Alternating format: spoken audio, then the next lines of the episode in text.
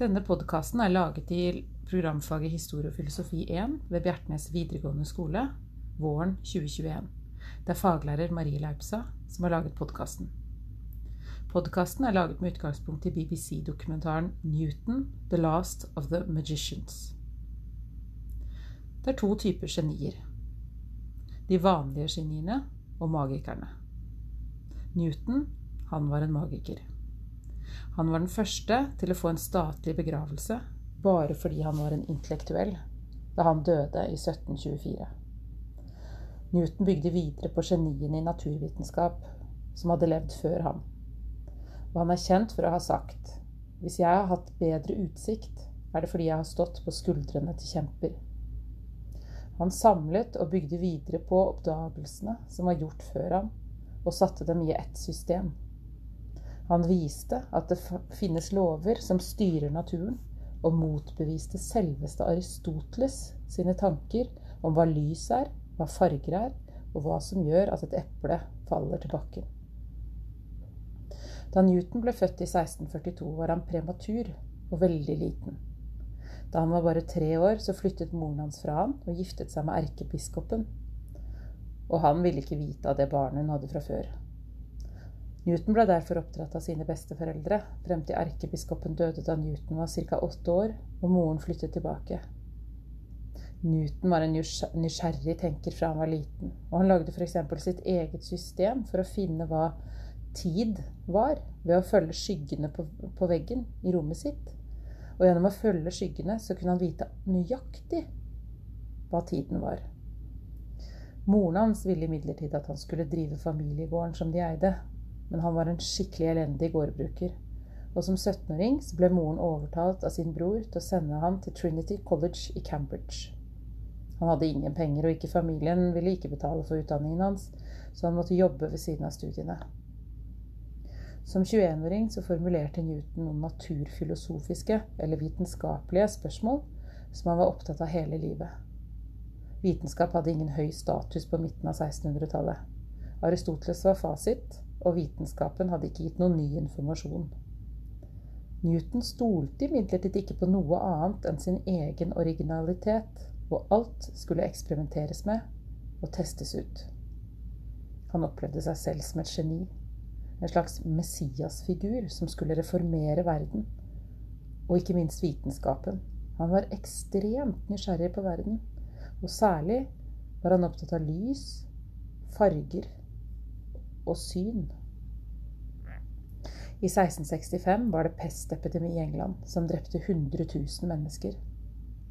Newton isolerte seg og drev eksperimenter fra sitt værelse i Cambridge. Han stirret på solen i lang tid for å se hva som skjedde med synet. Hva er det, gjør, hva er det hjernen vår gjør med lyset? Og hvordan oppfører lyset seg uavhengig av oss ute i verden?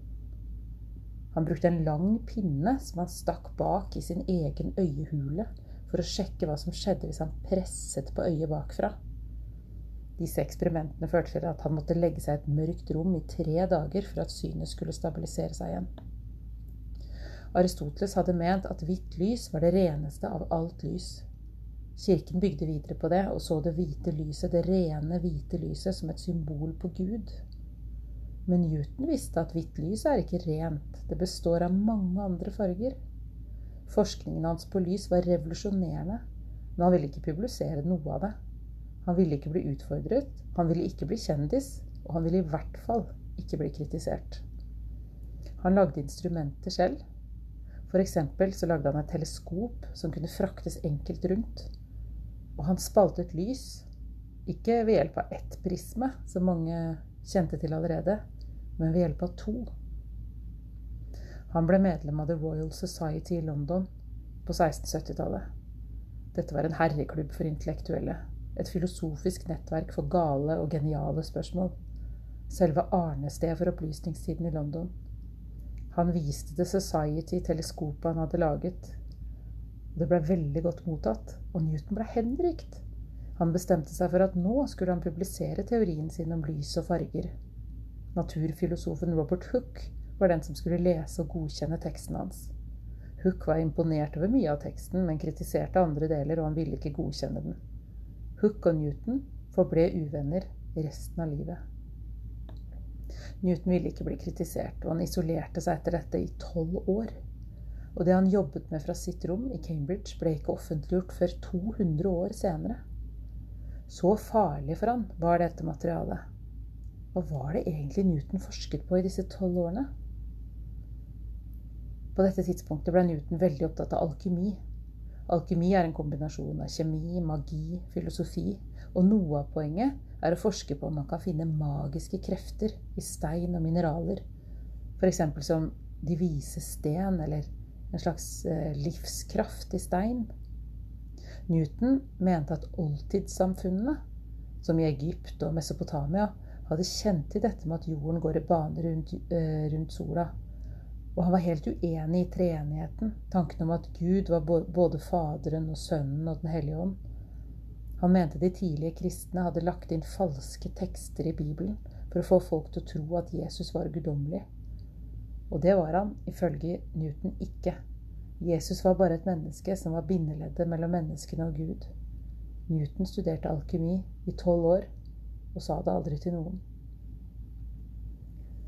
På et tidspunkt ble han ble mer opptatt av astronomi.